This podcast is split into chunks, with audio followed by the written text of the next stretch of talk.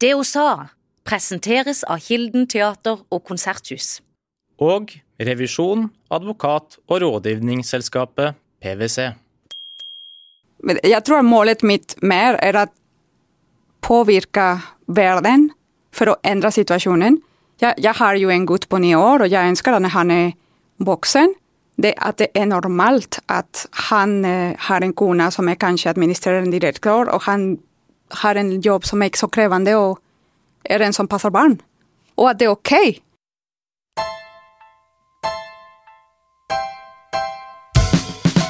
Ukas gjest er Roberta Høglund. Hun har blitt utpekt til en av verdens 300 ledende strateger innen sitt fagfelt. Hun har tatt ingeniørutdanning i Mexico og jobber nå i Elkem. Som direktør for Intellectual Property har hun bl.a. ansvar for at selskapets patenter, varemerker og domenenavn tas vare på. Roberta Høglund, velkommen til det hun sa. Tusen takk. Og velkommen til alle dere som hører på. I studio her sammen med så sitter Silje Dagsvik. Hei, hei. Hei, Silje. Vi har fått besøk av en gjest som, da vi ringte opp for å spørre om hun hadde lyst til å være med, var voldsomt engasjert med en gang. Og da tenkte vi bare yes, dette blir en bra episode. Så jeg har bare lyst til å spørre deg med en gang, hva er det du brenner for, Roberta? Jeg brenner for kvinnelig lederskap i, i bedrifter. Altså også i states, land, så, men mest i bedrifter. Og hvorfor syns du det er så viktig? Fordi når du er leder i en stor bedrift, du, kan, du, du representerer en gruppe ansatte. Og du har veldig mye makt til å påvirke deres liv. Så det, det å gjøre en, et, en arbeidsplass som er bra for folk, der de trives, jeg mener det er veldig viktig. Og en ting, en ting som Katja Leland sier, er alle fortjener en god leder, fordi en leder sitter i en posisjon der du kan ødelegge verdi, eller skape verdi. Og det er veldig mange ledere som er ikke er helt eh, bevisst på det. Og når du sier Katja Leland, så kan jo vi si at hun har jo faktisk vi hatt som gjest i det hun sa tidligere. Ja. For hun jobber også i Elkem. Mhm. Du, hvis vi hadde fått til en mer jevn fordeling av menn og kvinner i ledelse, på hvilken måte tror du det ville ha endra altså både de enkelte bedriftene, men også samfunnet som sådan? Altså, jeg, jeg mener at hele verden hadde vært bedre om vi hadde hatt en deling som er lik med menn og kvinner på administrerende direk direktørstilling. Fordi kvinner av natur, nesten alle, er mye mer empatiske. Vi har også hormonelle forskjell mellom menn og kvinner. Vi har mye mer oksytocin. Vi er mer eh, fokusert på å bygge relasjoner og nærhet. Eh, kanskje ikke alle kvinner. Jeg er veldig faktabasert. Altså jeg er nesten som en mann på den måten, men nesten alle kvinner er mer prosessfokusert. Og, og de tar veldig godt vare på å involvere forskjellige personer. Og det syns jeg at hadde hjulpet. Og også om vi hadde mer presidenter og statsminister som var kvinner. Jeg er helt sikker at vi ikke skulle ha disse konflikter vi har i dag. Mellom Russland, USA, Kina, Ukraina. Vi hadde ikke hatt de.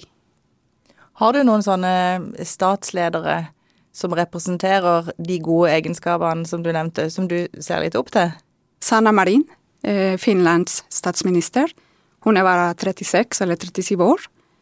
Hun er superintelligent og sterk. Hun eh, vet presis hva, hva hun mener. Hun har vært utsatt for ting som ingen mann hadde, hadde blitt utsatt. Jeg vet ikke om dere vet når hun festet, og så ble en, hun ble filmet, det var en privat fest, og så ble det delt på sosiale medier. Så må hun teste seg for droger, og det var helt latterlig. Jeg lurte på det, hva du syns om, eh, om den eh, virale saken som gikk om, eh, om Sanne Marin? Jeg syns det var veldig urettferdig til henne, for hvor mange Bare, bare se på Trump. Hva slags fester han hadde, og, og han andre fra eh, Storbritannia, Boris Boris eh, Johnson. Johnson, ja, fester under lockdown. Og så må hun drog eh. Det var veldig urettferdig. Du er jo, du er jo direktør selv eh, nå. Eh, har du opplevd opp igjennom noe som du tenker eh, At du ble behandlet på en annen måte enn nødvendigvis en mannlig leder hadde blitt? Eh, kanskje jeg ble Kanskje ikke folk trodde på at jeg kunne gjøre jobben når jeg begynte, for jeg var bare 33 år. Når jeg fikk denne stilling, eh, direktør i materielle rettigheter, var jeg bare 33. Så det var noen som mente at eh, jeg var for ung, visste ingenting. Jeg var en jente. Hvorfor skulle jeg være der? Men eh, jeg kommer jo fra Mexico, og vi er folk som arbeider knallhardt. Så jeg bare ble stille. Jobb, jobb, jobb. Resultater. Bevis med resultater. Ikke klage, ikke si noe. Bevise at du kan. Var du flink til det etter hvert å fortelle om disse resultatene du klarte å få til? At du formidlet de resultatene tydelig? Ja, det var det. Var du bevisst på det, eller Ja, ja, jeg var bevisst. Ja. Fordi trots alt, i Elkem så har vi kun 25% kvinner. Det er jo en mannlig bedrift. Og menn, hvis du skal snakke til menn, så må du komme med fakta. Ikke følelser, ikke gråt, fakta. Men klarer du det? Nesten alltid. Inte alltid. Forresten, jeg er skilt. Eh, civilstatus nå er Tinderella. jeg ble faktisk dumpet for to uker siden for å vise sårbarhet. ja. Og jeg kan ikke forstå det. At jeg vet at jeg er supersterk, at jeg er ingen drama queen. Og for en liten tåre! Du er mental ustabil, du er en drama queen. Hei da. Hva, hva tenker du om det? Det er hans problem. Jeg tenker også det. Jeg, jeg vet hvem jeg er, og jeg er ingen drama queen. Jeg er en sterk kvinne, men jeg er sårbar. Og det er veldig viktig å vite at å være sårbar er ikke å være svak, det er å være sterk. Det er når vi er sårbare at, at vi tillater folk til, til å gjøre noe vondt, så du må være veldig eh, tapper, brave, for å gjøre det. Men kan man ta med seg den sårbarheten også inn på en arbeidsplass, tenker du? Eller er det noe man må, det må man ta ut hjemme, og så må man være bare profesjonell? Nei, jeg, jeg mener at vi er jo folk, og, og hvis situasjonen krever det, så kan du være sårbar. Eksempel hun Hilde Merete Åsheim, hun er administrerende direktør for Norsk Hydro. Hun, har, hun er en person som har bevisst på sosial, sosiale medier, på LinkedIn, veldig mye empati og, og, følelser og nesten sårbarhet. Så det handler egentlig om å være hele mennesker? Ja, vi, vi, er, vi er et menneske. Altså, det er litt naiv å tro at, at når du er på jobb, du er, du er bare en profesjonell person. Du er ikke det. Vi er mennesker. Vi er en hel pakke. Du er litt nysgjerrig på bakgrunnen din, eh, for du eh, kommer jo fra Mexico, som du sa, eh, og så har du jobba i Sverige. Og det som brakte deg til Kristiansand, Det var jobb. det var jobb. Mm. Hvordan var det å komme til, til byen og være der? Nei, det var bra. Det, jeg syns byen er veldig, veldig fint. Jeg trives veldig godt her. Det, det er en liten by, men samtidig det har alt jeg trenger. Og hvis ikke den har det, så har jeg Kjevik. 23 minutter fra huset mitt, så kan jeg gå hvor som helst. Hvordan gikk du frem for å få et nettverk i Kristiansand? Eh, Meksikaner vi er overalt, så vi, vi bare finner hverandre. Men det, det har vært veldig vanskelig å komme inn i, i samfunnet her i Norge. Eh, fordi denne delen av Norge er veldig stengt. Det er veldig, veldig stengt. Og, og folk sier ok, jeg har mine venner fra, fra før, og jeg trenger ikke mer. trenger ikke legge mer innsats i å treffe nye folk. Det er jo mange som har vært venner med samme personer fra grunnskole. Så det er veldig, veldig vanskelig. Men jeg har fått eh, gode relasjoner via, via min jobb, for det er veldig mange som i Elkem er ikke fra den ikke fra Norge i det hele tatt. Så det er internasjonal Veldig internasjonal. Veldig, veldig, veldig men, men betyr det at det miljøet du har fått her, eh, består av andre tilflyttere? Og ikke, Ja, ikke så mange av de som kommer fra Ja, stellen? ja, nesten. Ja. Har du kjent på det, Silje, da du kom til Sørlandet fra Ja, Bergen? Det, jeg kjenner igjen eh, det, og det har vi også snakket om i en tidligere episode. At, eh, at uh, i starten så var nesten alle mine venner fra andre steder enn enn Sørlandet og Kristiansand. Em, så jeg kan kjenne igjen den at det kan være vanskelig Det er lett å, si hei og komme inn på folk. Folk er veldig høflige Ja, og snille, veldig Mm. Men så stopper det kanskje litt der, da. Ja. At det er vanskelig å komme inn og faktisk bli venner. Ja. Eh, så det kan jeg kjenne Enig. veldig igjen. De er, de er fantastisk snille når du går og kjøper noe. De er så hyggelige! De, yeah. Men, men det, det stopper der. Mm. Men er den kulturen Altså, i Mexico, er det annerledes der? Ja, veldig annerledes. Kan ikke du ta oss med litt sånn i ord og, og, og male noen bilder for oss om hvordan, hvordan, er, hvordan er det i Mexico og der, der du kommer fra? Vi er jo veldig varme, og vi viser veldig mye følelser. Vi har veldig mye solidaritet. Vi Livet er en fest. Hvorfor ikke skal man ikke feire alle dager? Så, Du nevnte, du nevnte til meg i sted at du har bursdag i, I morgen, yes. ja, og da skal du feire med 20 feire. personer. Og, og det, det som er veldig morsomt, er at jeg sa at jeg er bare så trett. Jeg skal bare gå til, på Husmøy, for det er min favorittsted. Jeg skal spørre noen personer å komme med, for jeg vil ikke arbeide i det hele tatt. Og så sa min sønn, som er ni år, hva? Skal du feire bursdagen din uten meg? Han ble så fornærmet. Og så sa jeg ok, jeg tror jeg må lage en liten fest hjemme. Og så lagde jeg en, en sånn liten fest hjemme for ti personer. Er det en liten fest? Ti personer? For meg er det sånn eh, Det Det- krever noe planlegging. Nei, bare vent. Så, så gjorde jeg en event på Facebook, og så gjorde jeg feil, og det var ikke privat, det var offentlig. Så boom! Så, så plutselig ble det 21 personer, og jeg var så, så det blir en stor fest i morgen.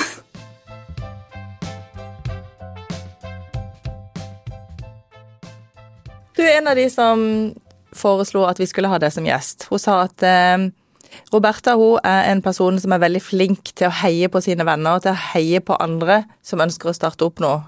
De som er entreprenører, som er gründere. Kan du si noe om det?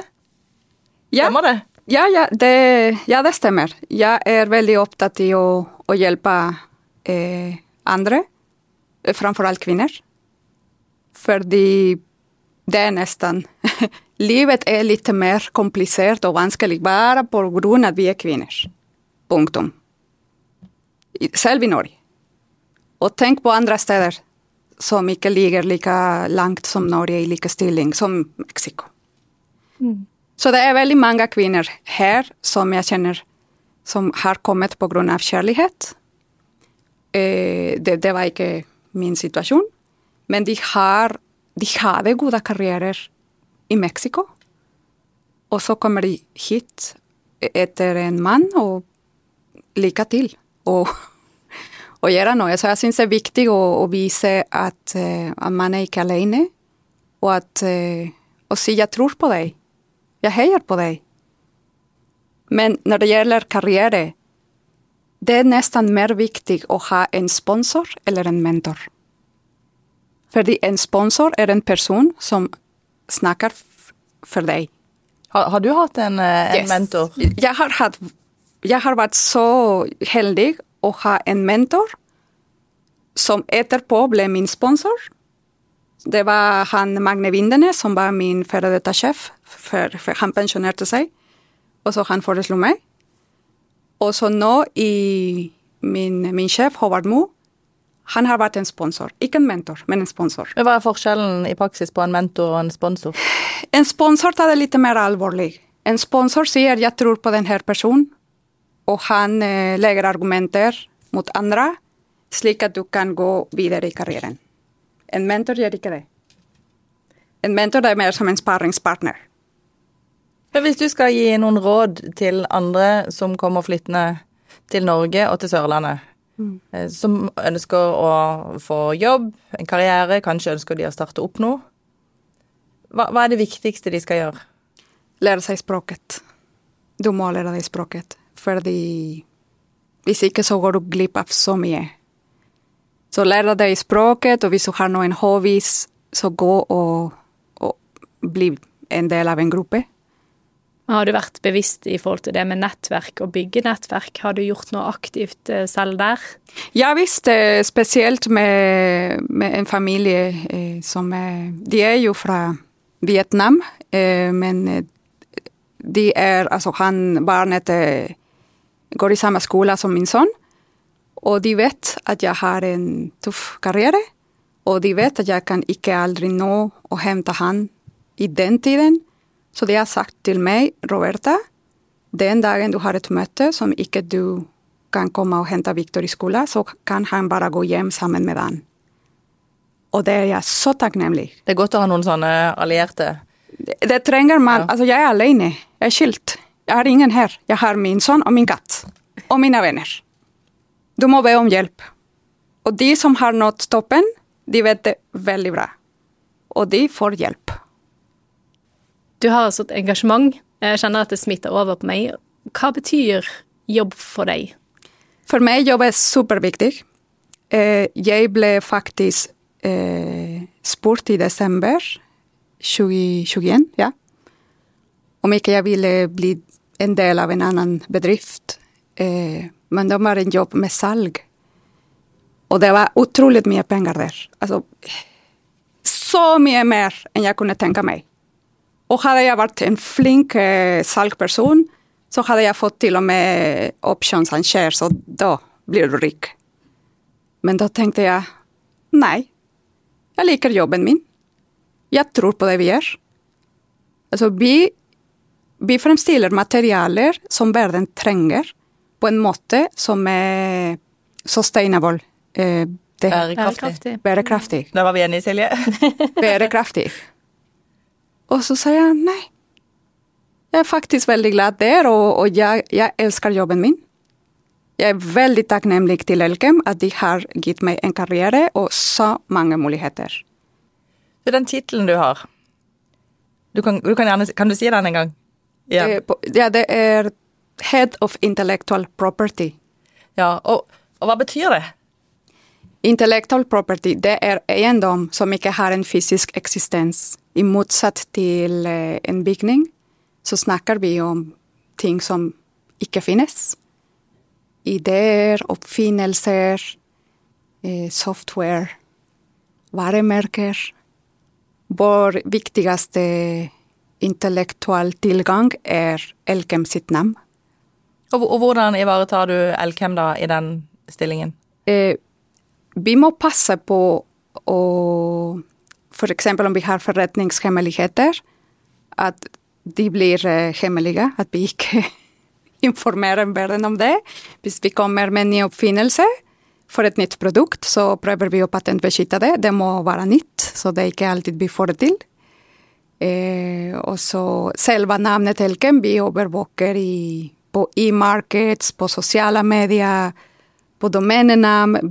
Vårt navn er veldig har veldig mye kvalitet, og i Kina så ser vi så mange aktører som eh, selger egne produkter, men de sier Elkem Quality, eller de bare skriver Elkem på selve annonsen for å ta trafikk. Og, og det er jo viktig å få med seg. Og hvis du ser det, da, at noen prøver å bruke Elkem-navnet urettmessig, Ja. Hva, hva gjør du da? Vi har en samarbeidelse med en bedrift, to bedrifter, en som heter CoreSearch og en som heter LexisNexis. Og, de, og vi sier ja, det her, er, det her vi vil ikke ha, så de, de bare fjerner det. Hvilken fordel har du av at du kommer med en annen bakgrunn enn norsk i den jobben du har? Det er diversity. Det, altså, med en gang du har forskjellige personer i en gruppe, så får du bedre diskusjoner. Fordi vi kommer ikke fra samme bakgrunn, og vi ser ikke på situasjoner på samme måte. Og jeg er veldig godt fornøyd at vi har fått en ny medlem i vår ledergruppe som er ikke fra Norge. Fordi jeg, jeg merker det med en gang at diskusjonene blir bedre og forskjellige. Han kommer fra Sør-Afrika. Han er HMS-ansvarlig. Hvordan ble de bedre? Hva- Hva fører han med seg inn i gruppen? En helt annen visjon, og det blir litt mer diskusjon om, om ting. Og, og det, for meg det er helt klart at det er av at gruppen er mer divers nå.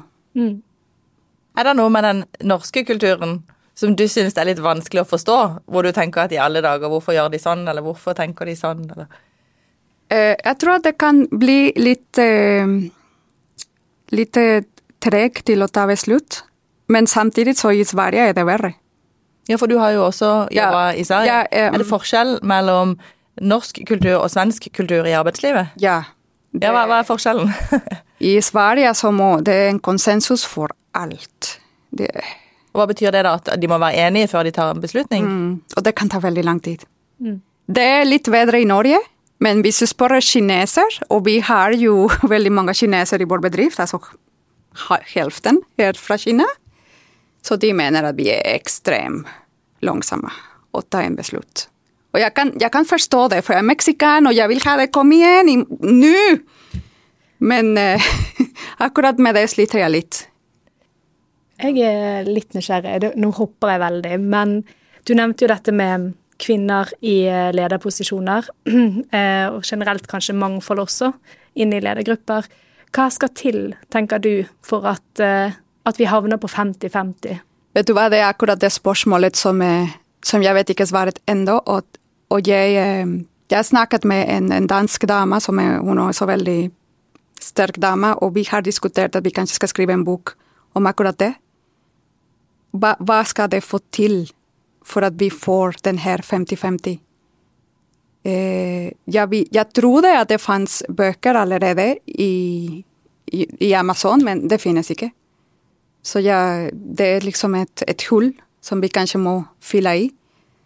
Vi har forskjellige teorier. Vi, vi har den teori at eh, måten den verd er på det høyeste nivå på bedrifter, det er en miljø som ikke appellerer til kvinner. Det er en teori.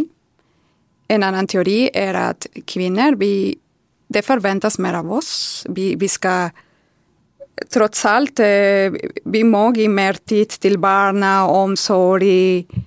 Vi steder mer enn menn i huset. Vi, vi har ikke bare den jobb, altså vi har alt annet. Så det er, det er en annen teori, at vi har mye mer ting å gjøre enn menn. Det, det er lettere å være menn, helt ærlig.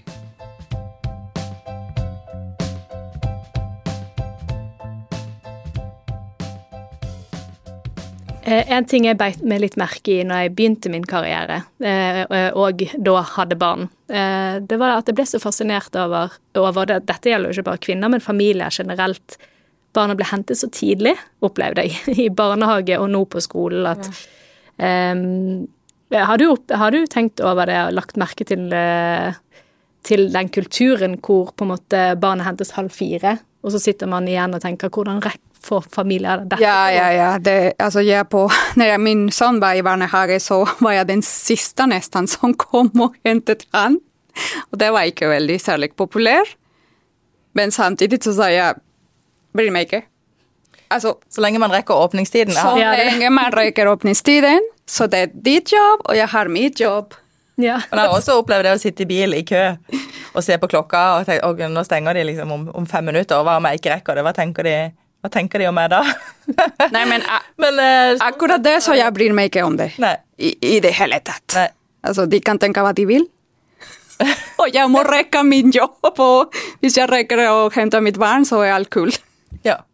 Og det har du rukket. Ja, helt ok. Men i, i Frankrike, jeg vet at i Frankrike det er helt forskjellig. De, der er folk arbeider til klokka er seks hver dag. Og de har jo barnehage som er åpen til over seks. Så de, vi har noen diskusjoner med franske kolleger som er kvinner, også, som også har en god stilling, en sånn lederstilling, og så sier jeg å, jeg må gå, jeg må hente mitt barn. Hva? Det, det er litt vanskelig for de å forstå, selv om vi er i samme organisasjon. Men det er veldig godt, syns jeg iallfall, å være en del av et samfunn der det er aksept Ja. for at man slutter av arbeidsdagen klokka fire og går hjem. Og vi har diskutert det en del her, jo, der med den balansen mellom arbeidsliv og, og fritid. At det er viktig å, å ha litt fokus på det. og det er godt at det er lov å ha fokus på det. At man ikke skal ha dårlig samvittighet eller få jobb for at man faktisk tar kvelden fri med barn. For begge deler må jo fungere. Ja. Nei, det er sant, det. Du, når du var på vei til oss i dag i Fjellandsenden, hva gikk du og tenkte på at åh, dette må jeg få sagt, dette er viktig for meg å snakke om? Hadde du noen temaer, så du har med deg, en, du har med deg notater? Er det noe du har lyst til å Nei, det, det er bare å si at jeg mener at når vi har Når, når verden ikke benytter seg av halve befolkningen til, til å ha leder så som er kvinner, så vi, vi mister så mye talent. For meg det er helt uh, latterlig at vi ikke har mer kvinner på toppen. Hvorfor? Og så hvis du ser på de største 500 største amerikanske bedrifter eh, som er offentlige Hvis du ser hvilke bedrifter, hvilke bedrifter som har en administrerende direktør, en chief executive officer og en chief financial officer, som er kvinner, det er bare tre. Tre Stort potensial der, altså. av 500. Og du vet, den som sitter i penger, den, han har mye makt. Chief financial officer i en bedrift, han har makt. hva, hva er målet ditt? Er det å komme dit? Nei, altså chief financial officer, nei takk. Eh, CEO, det, det vet jeg ikke. Det Jeg vet ikke. Jeg tror målet mitt mer er å påvirke verden for å endre situasjonen. Jeg, jeg har jo en gutt på ni år, og jeg ønsker at han er voksen, det at det er normalt at han eh, har en kone som er kanskje administrerende direktør, og han har en jobb som er ikke så krevende, og er en som passer barn. Og at det er ok. Og at de, de ikke kommer til han og sier ah, du har ikke en jobb som er bra, eller at, at det er akseptert. Så det var jeg Jeg tror, tror mer enn å komme til den posisjonen, så jeg tror mer på den boka. Kan jeg hjelpe andre kvinner til å komme dit? Det kjennes som det er kanskje litt sent for meg, fordi om du vil komme til den posisjonen, så må du ha direkte erfarenhet med salg, eller du må være veldig god i finans. Og jeg har ikke det. Men jeg kan fremdeles gjøre noe hvis vi kommer med den boka og prøver å finne svaret. Hvordan kan vi gjøre det litt lettere? Fordi på den takt som vi er i dag, eh, likestilling, gender parity, kommer først til 2070. Det er for tregt. Du, vi har en fast post i podkasten der man får lov å fremsnakke noen andre damer. Det har du forberedt deg litt på. Ja, litt. Ja, hvem er det du vil fremsnakke? Eh, jeg vil snakke Adriana Ruiz. Hun har vært gjest også her. Hun er varaordførerkandidat eh, for Arbeiderpartiet. Og jeg vet hvor mye hun har kjempet på å komme der hun er. Vi kom i forskjellige situasjoner. Jeg kom med en jobb og egentlig alt servert i en sølvfat, ikke hun. Og jeg har veldig tro på henne, og jeg håper at en dag hun gjør det til parlamentet. Folk som ser deg utenfra, vil sannsynligvis tenke at her er det ei dame som har lykkes skikkelig. Som har en så tung posisjon i en eh, internasjonal, stor bedrift. Men, men er det noe du ikke har fått til underveis? Ja, det er jo å finne den rette partner til meg. Jeg er jo skilt. Har- jeg har det ikke så lett. Altså det, jeg har, som sagt, så er jeg Tinderella, så jeg har blitt sagt her i Kristiansand, du er skremmende smart. Folk vil, de vil ikke ens hilse på meg. Tror du det er vanskeligere å finne seg en partner når man er en sånn en dame med Ja, det, som det? det tror jeg. Det tror jeg. Fordi mange menn blir intimidert.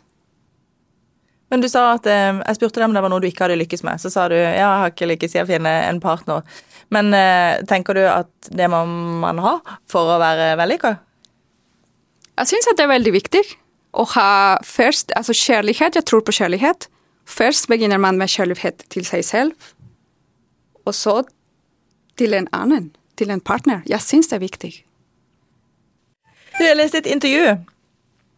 Jeg leste et intervju med deg hvor du beskrev den første dagen på arbeidsplassen på Elkem, eller om det var når det var på jobbintervju, var det det? det Ja, ja, det var på jobbintervju, ja. Ja, fortell. Og ja, jeg kom med en drekt, sånn som veldig mannlig drekt, men med høye klekker.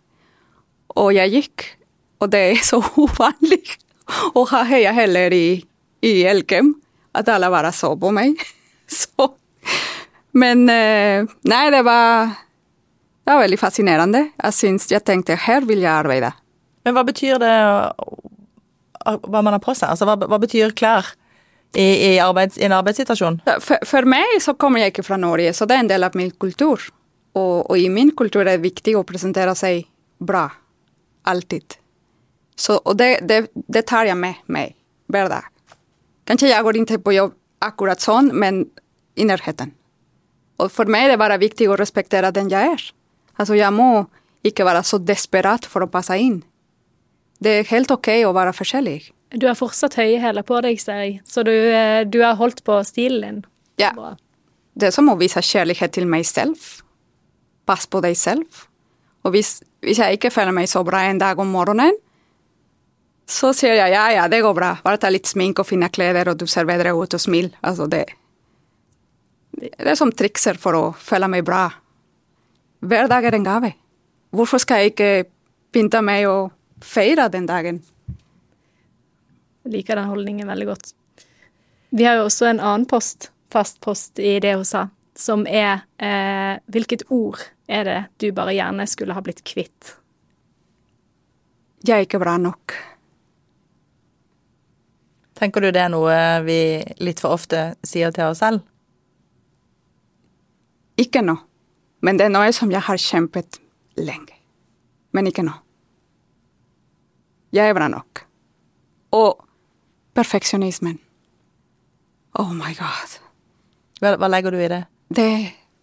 Det å prøve å være perfekt, det er bare feil. Det er toxic. Det å lære seg godt nok er bra. Men i 2015 så hadde jeg Nude Eide Women Mentor så var jeg, var jeg i et program. Eh, og det var en psykolog der, jeg husker ikke hans navn, dessverre. Men eh, han skrev en bok som heter Mentor, og han, han, er fra Kristiansand, eller han bor her. Og han snakket til meg personlig om perfeksjonismen, og, og hvor dårlig det egentlig er. Og hun gav meg et eksempel om Tenk at du har 20 eh, shirts, skjorter, som er helt nystrukne og fine. Og så har du én som er ikke klar til at du skal bruke den. Og så fokuserer du på den som er ikke bra. Og så så jeg å ja, det er ikke bra å gjøre sånt. Bare se på det som er bra, og ikke legg fokus på det som ikke er bra. Du alltid kommer å finne noe som er ikke bra. Mm. Og jeg er ikke mot uh, forbedring og kontinuerlig forbedring, nei. Jeg syns det er veldig viktig å arbeide med forbedring, personlig utvikling. Men du må legge grensen. Hvor er dette bra, og hvor er det perfekt? Perfekt er ikke bra. Det ødelegger så mye. Jeg foreslår at vi kvitter oss med perfeksjonisme ja. her og nå. Ja, perfeksjonisme, ja. ja. Og så tar vi heller inn uh, 'vi er bra nok'. Ja, vi er bra nok. Du Alle er bra sammen. nok. Ja. Det er godt nok. Det er godt nok. Mm. Men det syns jeg var veldig bra. Og med det så tror jeg at vi runder av samtalen nå. Jeg er veldig glad for at du ville komme og være med oss i, i det hun sa. Til dere som hører på, tusen takk. Gå gjerne inn på Facebook og få med deg bilder fra podkasten. Silje, takk for at du ville være med meg som makker i studio i dag. Roberta Hegglund, Høglund, takk for at du kom. Tusen takk. Du har hørt på Det hun sa av Ferdelandsvennen. Følg oss på Instagram og meld deg inn i Facebook-gruppen vår. Der kan du foreslå en gjest du har lyst til å høre i neste episode.